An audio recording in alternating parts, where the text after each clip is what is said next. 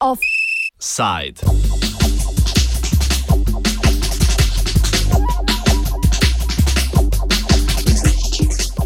Etiopska stabilna nestabilnost.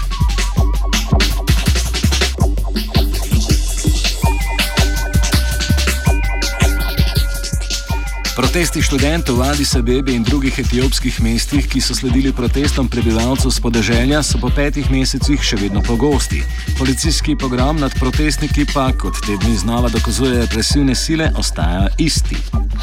Spomnimo, na demonstracijah med novembrom in januarjem je bilo ubitih 140 študentov, kot tudi nekaj ducat policistov. Študenti z vidnimi posledicami streljnih ran pa še danes ne obiskujejo univerzitetnih prostorov v strahu pred policisti pod krinko, veščih pretepanj in arbitrarnih pridržanj, tudi tujih novinarjev.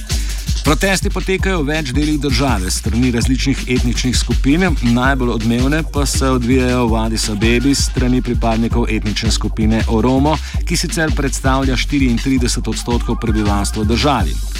Študentskim protestom so predhodili lokalni punti na podeželju regionalne države Romija, v kateri je sicer situirana prestolnica Addis Abeba, ki se v zadnjih desetletjih neozdržno širi. O protestih na podeželju in drugih spregovori Jan Abing iz Centra za afriške študije na Univerzi v Leidnu. What we see now in, in Ethiopia is uh, indeed massive protests of Oromo peasants mainly against uh, two things. Against, first of all, the uh, rapid expansion of the Addis Ababa urban region, which is uh, a fastly growing and expanding city, and they need land around the current borders of the of the city for uh, industry, for residential areas, and so forth. Which means that many Oromo uh, peasants in that area lose their uh, land. The problem is, uh, I mean, uh, that they lose their land without proper compensation. It seems there are no clear procedures and clear, predictable. Uh, processes whereby Oromo get compensated or get or get land elsewhere for cultivation. And the second thing is that all across Ethiopia, uh, Oromo, but also other ethnic groups like the, the, the Afar or the, the Anuak or the, uh, the, the smaller minorities in the south, are inf- impacted by uh, large scale land appropriations for uh, commercial agricultural investment. And here, the state plays a big role because a lot of state plantations are being set up for cotton, for sugar, and so forth. And again, the same problem of lack of proper compensation, let alone consultation with these people, are causing a lot of problems. And this, this creates a, a constant understream of protests, of, of conflicts with local people and the government. And the, the current protests in, in, in, uh, in, um, in uh, in Ethiopia, mainly around the capital city, Addis Ababa, which started last November, where at least 140 people were killed by the security forces, is a result of these two processes. And the problem is, it seems to be pretty general. I mean, it's it's it's it's not it's not it's not uh, reducing. Just uh, today, I read a, a message about uh, mass detention of people in the the Gondar region, where, which is a region in the north of the country, predominantly populated by uh, Amhara speaking people. Hundreds of Amharas have been arrested because of all kinds of protests about, yeah, about what? About identity issues, about land issues, and so forth. So it seems that there is a kind of understream of instability, which is maybe the result of the government not observing proper consultation and, and, and decision making procedures which involve the people about their own life and their livelihoods. Kraja zemlje poteka predvsem na račun domačih investicij in podjetij iz držav, praviloma iz Azije in Bližnjega vzhoda, ki uživajo podporo etiopijskih oblasti, medtem ko zahodne multinacionalke v državi še niso prisotne v večji meri. Uh, uh, often to cronies and to investors, mainly from the north of the country and from the from the capital city. There are also, of course, many foreign companies uh, active more and more. From uh, various countries, not only Western countries, but predominantly uh, even Asian countries like uh, India, China, Turkey, and Malaysia has been involved. They have, with state support, often they have appropriated land and they have allied with the government in Ethiopia to get this land, and they get uh, cheap rates for leasing the land. They get tax holidays for five, six years, and they get all kinds of support for investments. So they work through the government. Podeželja pa ne pretresa le kraja zemlje, ampak tudi podnebne spremembe, ki že prispevajo k notranjim selitvam. Specifično, če dalje intenzivnejšega pojava El Niño. It has led in the eastern area of the Afar people, eh, which is a, a big group of uh, agro-pastoralists, about 1.8 million people. Uh, they have been hard hit by the effects of climate change accumulating over the past decade or so. Uh, you know, drying out of pasture areas, uh, cattle, massive cattle death, and so forth. And uh, that is really a great problem. But across the country, you, you see less predictable weather patterns. Farmers do not know when they have to sow their seeds, and when they sow them too early, they, they can dry, or when they sow them too late, they can be flooded by, by, by unpredictable rains. So across the country, we see those effects, and they are accumulating. There are a lot of studies being made on, on the effects of this. Uh, what we might indeed call climate change, and not only climate variability. Really, climate change is going on, and uh, they point to uh, yeah to major problems to come. These things are not you know let's say politically produced, of course, and it's, it's something we have to combine with the effects of large-scale land uh, appropriations uh, to see that the rural sector in Ethiopia is really um, in uh, in serious trouble. Both the agro-pastoralists as well as uh, many of the small smallholder farmers. Študentska skupnost se je pridružila borbi lokalnih skupnosti, a z drugačnimi podarki. Nadaljuje Abing. They were um, taking up the cause of farmers who had been protesting uh, and demonstrating on a local level against the expansion of the plants and, and against confiscation of their or the appropriation of their lands. The students from uh, basing themselves on local grievances by farmers and, and so forth, they expanded that agenda of protest to, you know, the general issue of the rights of the Oromo people within Ethiopia.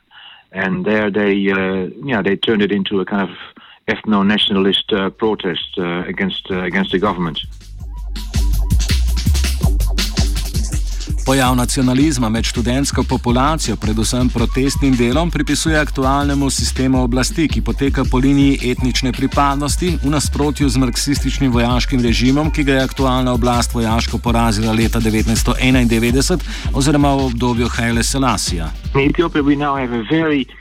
Ethnicized political uh, uh, arena. Eh? I mean, people have been um, organizing themselves, were almost forced to organize themselves on an ethnic basis since the uh, takeover of power of this uh, the movement uh, EPRDF in 1991. They followed and they instituted an uh, a, a ethno-nationalist uh, administrative structure and also parties who wanted to compete in the election had to be on an ethnic basis. And this ethnic thinking has been taken over strongly by many, many groups, including by the students. The students in the past were, you know, pan-ethnic. Eh? They had ethnic, socialist, progressive agendas in the t- time of Haile Selassie, the emperor.